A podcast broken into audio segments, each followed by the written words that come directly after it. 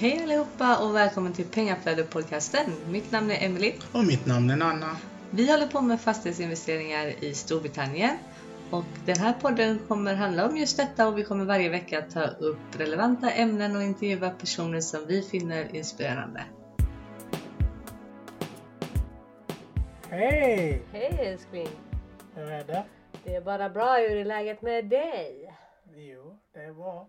Mhm. Vi har varit sjuka den här veckan ju.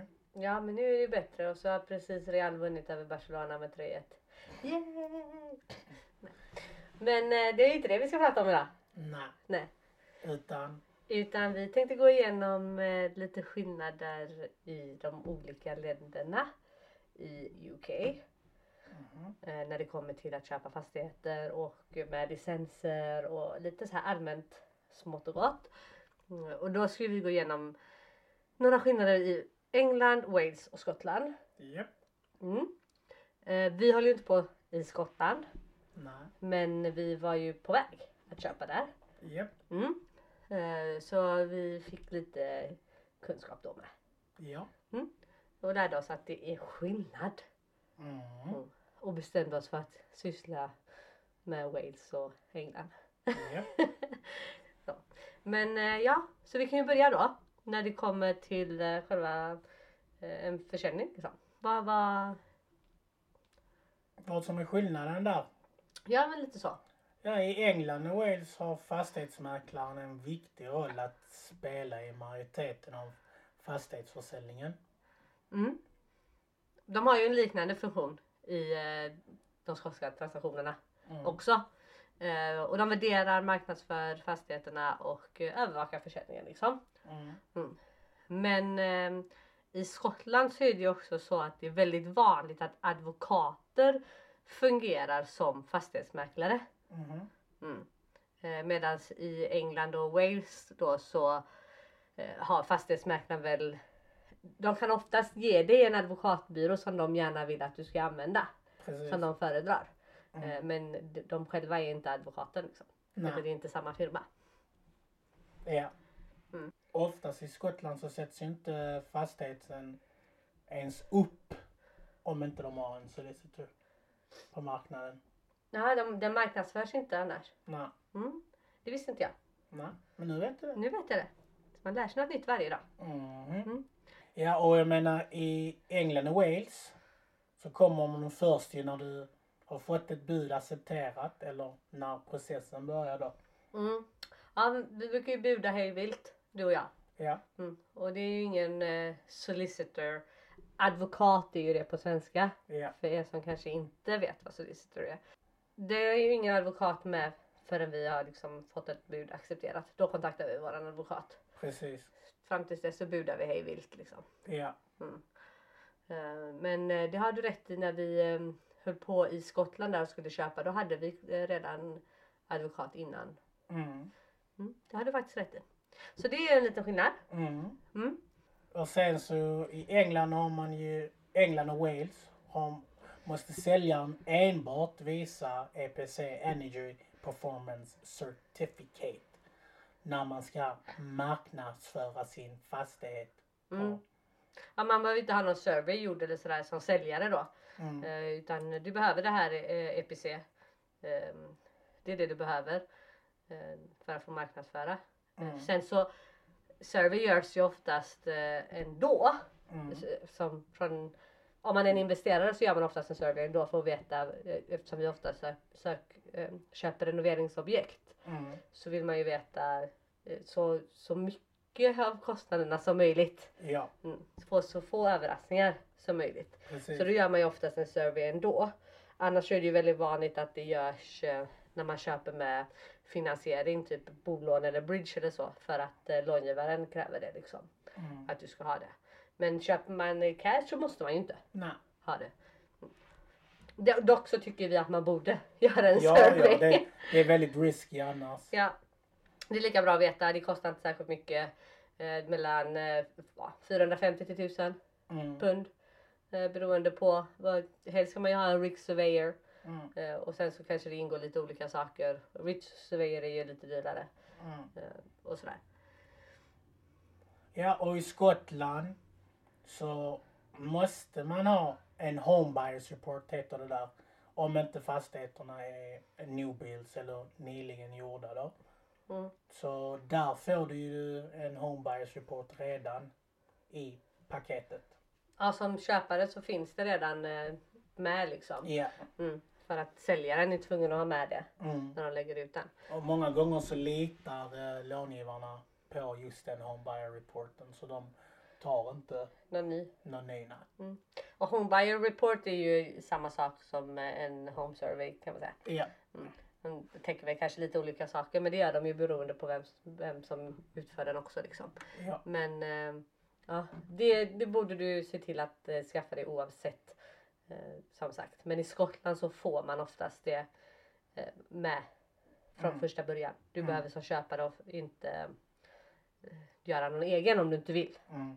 Så som ni ser än så länge så är England och Wales väldigt likadana och det är bara Skottland, som Skottland står som- ut lite. ja. Ja men det känns så överlag att Skottland står ut lite. Mm. Och England och Wales är ungefär samma. Mm. Förutom när det kommer till stamp duty, vilket vi kommer till snart. Mm. Mm. Men sen så är det ju en sak som är väldigt stor skillnad i Skottland mot i England och Wales. Mhm. Mm. Och det är ju att eh, det kommer en punkt i köpesprocessen eh, när du har fått ditt bud accepterat och advokaterna, både köparens och säljarens advokater skriver under på att det här budet är accepterat. Då kan man ju förklara det. Då får man inte lov att dra sig ur längre, då är det bindande. Mm. Så enkelt är det liksom. Och skulle det vara så att du då får ett högre bud från någon annan och vänder dig till din advokat och säger att "Ja, men jag vill ta det budet istället. Då ska din advokat säga nej. Japp. Och gör de inte det så kan de bli av med sin licens. Japp. Så, så det är en väldigt stor skillnad att där är du liksom, då är du, är du bunden till att genomföra affären både som säljare och som köpare när du har kommit till den punkten. Mm. Eh, Medan i England och Wales så kan man ju ta ett nytt bud ända fram till completion day. Ja. Och som köpare kan du ju dra dig ur eh, hela vägen fram också. Mm. Det som kan hända är ju att du kan förlora din deposit, alltså din handpenning. Mm. Mm. Och det kanske du inte vill göra om, du är, om det är en väldigt dyr fastighet. Som du, jag menar köper du i London så kostar ju fastigheterna en hel del pengar. Mm. Så även om du bara lägger in 10% handpenning Ja. då i dealen från, eh, från första början så eh, det är rätt mycket pengar som du förlorar kanske om du drar dig ur. Mm. Så då kanske man inte vill göra det. Men du får lov att göra det. Det är inte olagligt.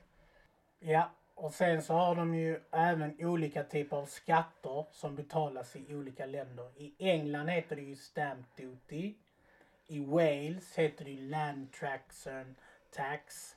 Och i Skottland heter det land and building transaction tax. Mm. Så det är helt olika från land till land. Ja, Och det är på svenska stämpelskatt. det kan man ju eh, översätta. Men eh, eh, den här skatten är, kallas lite olika i de olika länderna. Och eh, man får nästan gå in på eh, governments sites och Mm. läsa eh, exakt vad som gäller beroende på vad man ska göra för deal. För det är olika om du gör en buy to let mot om du gör en eh, conversion av en eh, kommersiell eh, fastighet. Mm. Eller om du i vissa, i vissa sammanhang är det skillnad på om du köper land. Mm. Eh, och eh, även om du gör mixed use. Japp. Då gäller inte vissa stamp duty och andra eh, Mm. skatter du betalar istället liksom. Mixed use det är ju eh, alltså eh, när du har både eh, bostäder och eh, kommersiell fastighet. Ja, förlåt. Men de som håller på som lyssnar på podden har ju säkert hört att man just nu fram till april då nästa år så har man ju infört den här Stamp Duty Holiday Mm. eh, som gäller på köp under 500 000 pund i England. Mm. Eh, problemet där då som inte kanske framgår eh, från en investerares synvinkel så spelar ju det ingen roll för vi får ju fortfarande betala eh, de extra 3 procenten, Mm. den extra skattesatsen som gäller för en investeringsfastighet. Mm. För eh, den här holiday gäller ju bara för first time buyers. Mm. Första gångs köpare. Exakt. Och om du inte har eh, några andra fastigheter, om du inte ska använda det som en buy to let Mm. och så här. Och vi då som, som investerare som köper för att eh, använda det som en buy to let. Eh, vi är tvungna att betala de här extra eh, procenten, extra skattesatsen ändå. Ja. Och den börjar ju på 3% från 40 000 pund. Så det är ju nästan till alla som är Ja. ja, som får betala det liksom. Ja. Mm.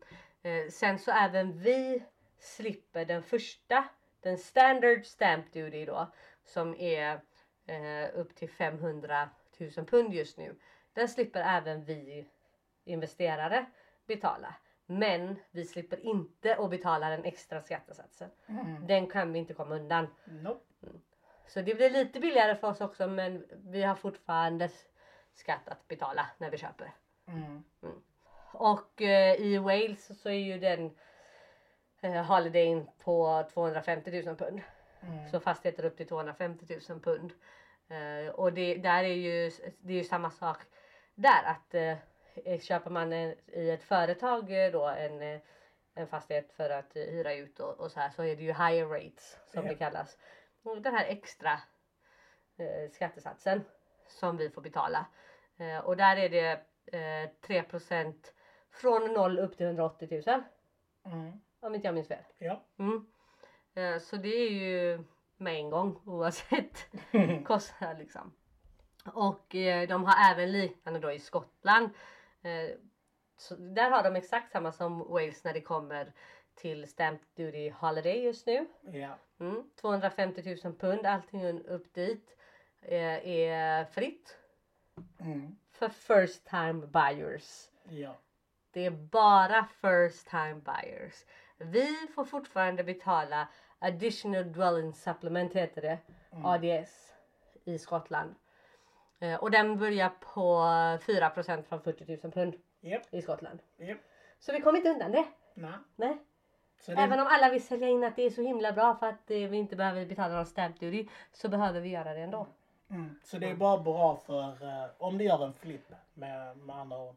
För då har du mer intresse och det är det som är egentligen. Och du inte äger någonting sen Ja. innan. Ja. Mm.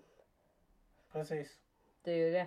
Du får, du får inte äga någonting från innan för då gäller det ju inte. Nej. Nej, utan du måste vara first time buyer och inte ha det i, i ett företag som rental property. Ja. Mm, som en buy to let. Mm. Men allt sånt står ju på deras hemsida och Ja. som sagt det är ju jättemycket finstilt och det ena och det andra. Så det får man nästan gå in och, och titta på och läsa vad som gäller för just dig och den dealen som du ska göra just nu. Precis. Eh, Men eh, i det stora hela för buy to let så är det ju faktiskt Ja. Eller så bara ber du din accountant. advokaten är nog bättre. Ja, eller advokaten. Att göra. Det är därför man har så kallat power team. Så licenser för buy to let, det skiljer sig från eh, land till land. Därmed. Så i England, i vissa fall behöver du inte ens registrera dig som landlord. Medan i andra fall behövs det. Man kan kolla med sitt council. Men din letting agent behöver ju givetvis licens. Och sen så anser vi att det är bra att vara med i någon av de här organisationer som NRL har. För att få info och hjälp. Mm. Och då kommer vi till Wales. Där måste du registrera dig som landlord. Mm. Och använda dig av en letting agent som har licens. Och om du själv ska sköta det, då måste du ha licens. Och du kan helt enkelt gå in och läsa på deras Rent Smart, deras hemsida. Mm. Så i, i Wales är det så då alltså att om du, om du själv eh, sätter in dina hyresgäster och, och sådär Mm. eh, så måste du ha både licens och vara registrerad som landlord. Precis. Okej. Och i Skottland måste du registrera dig som landlord och letting agent behöver rätt licens. Mm.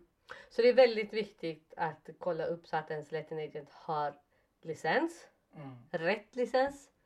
Eh, och eh, sen så måste, ska man eh, kolla i England att man, om man behöver registrera sig som en landlord.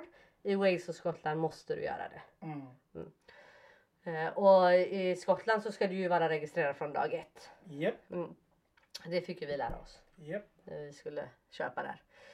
Eh, så det, det är lite skillnader. Mm, Eh, man kan alltid kolla med sitt council, mm, sin kommun.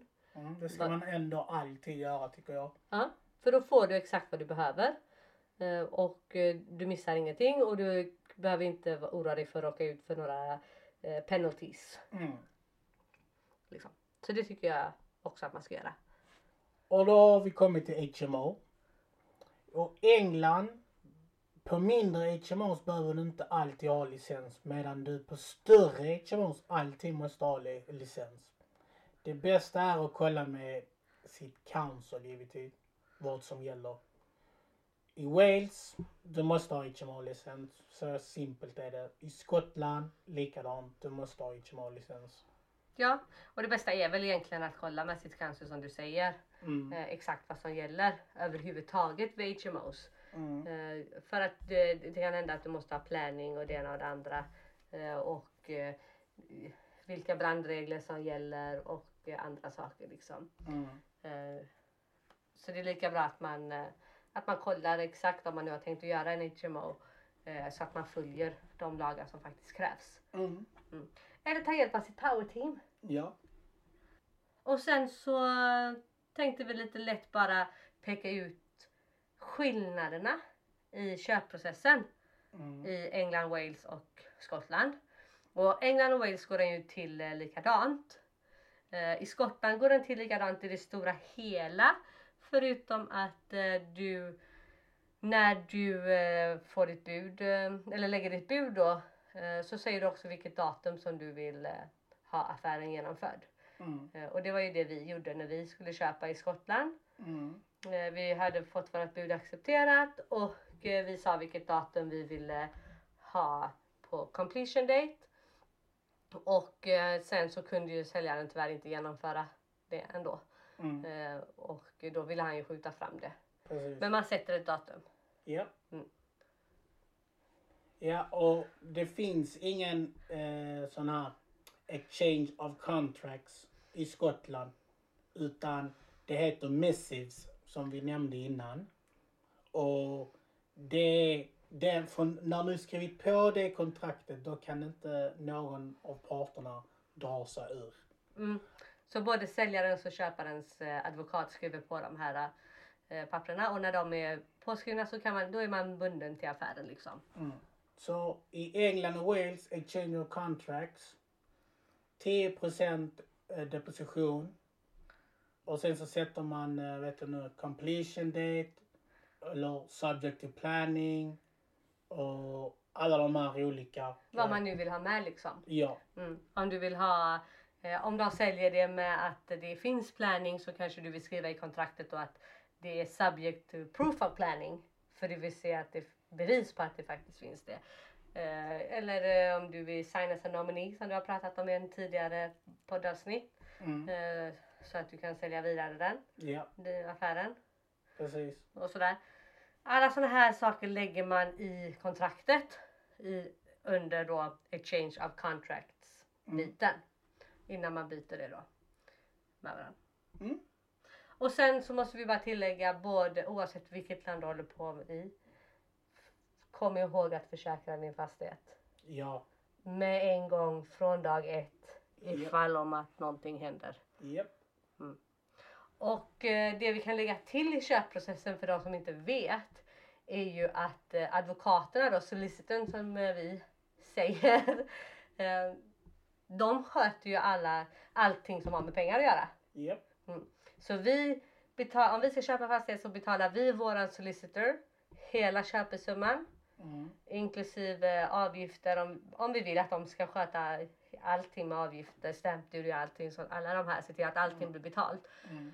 Då ger vi dem hela summan för allting. Och de sen när completion days kommer och vi ska betala och säljaren ska lämna över nyckeln. Mm. Då skickar våran advokat över pengarna till säljarens advokat. Inte Mm. till säljaren utan till säljarens advokat. Mm. Så de, det är alltid advokater emellan som håller i pengarna. Japp. Mm. Alltid. Alltid ja. Så det är ju en liten säkerhet. Ja. Ja, så det var ju några skillnader som vi gick igenom. Eh, Det finns ju mer. Om du går in på commercial fastigheter i Skottland så är det helt andra regler på det också. eh, Än vad det är i UK och Wales. Men det här är liksom några av skillnaderna under eh, enklare, mindre fastighetsköp. Ja. Precis. Och så kom ihåg nu att den här stamp duty när de säger att det inte finns för er, att ni inte behöver någon stamp duty, så gäller det inte buy to let properties och det gäller om du är first time buyers. Mm. Så kolla upp det riktigt noga. Eh, Men eh, antagligen så slipper du den standard rate upp till 500 000. Men du kommer fortfarande få betala 3% efter 40 000 om du är i England då. Japp. Mm. Ja, och så, så vill jag bara tacka alla våra lyssnare. Det är jättekul att ni följer oss, lyssnar på podd. Vi klättrar på listorna och det är jättefina kommentarer och allt, ja. Och förresten, om ni inte sett vår nya Youtube-klipp där vi går igenom rent to rent HMO, hur man kan använda det. Så gå in och kika på Youtube eller Mm. på Instagram eller Facebook eller ja, you Ja. know it. Och kom gärna med förslag på om ni vill se något mer som vi går igenom eh, på Youtube eller i podden eller om ni undrar någonting som ni tycker vi ska ta upp närmare eller sådär. Så är det bara att skicka iväg ett meddelande. Mm. Och med det vill jag säga Don't be stressed, invest. Hej hej!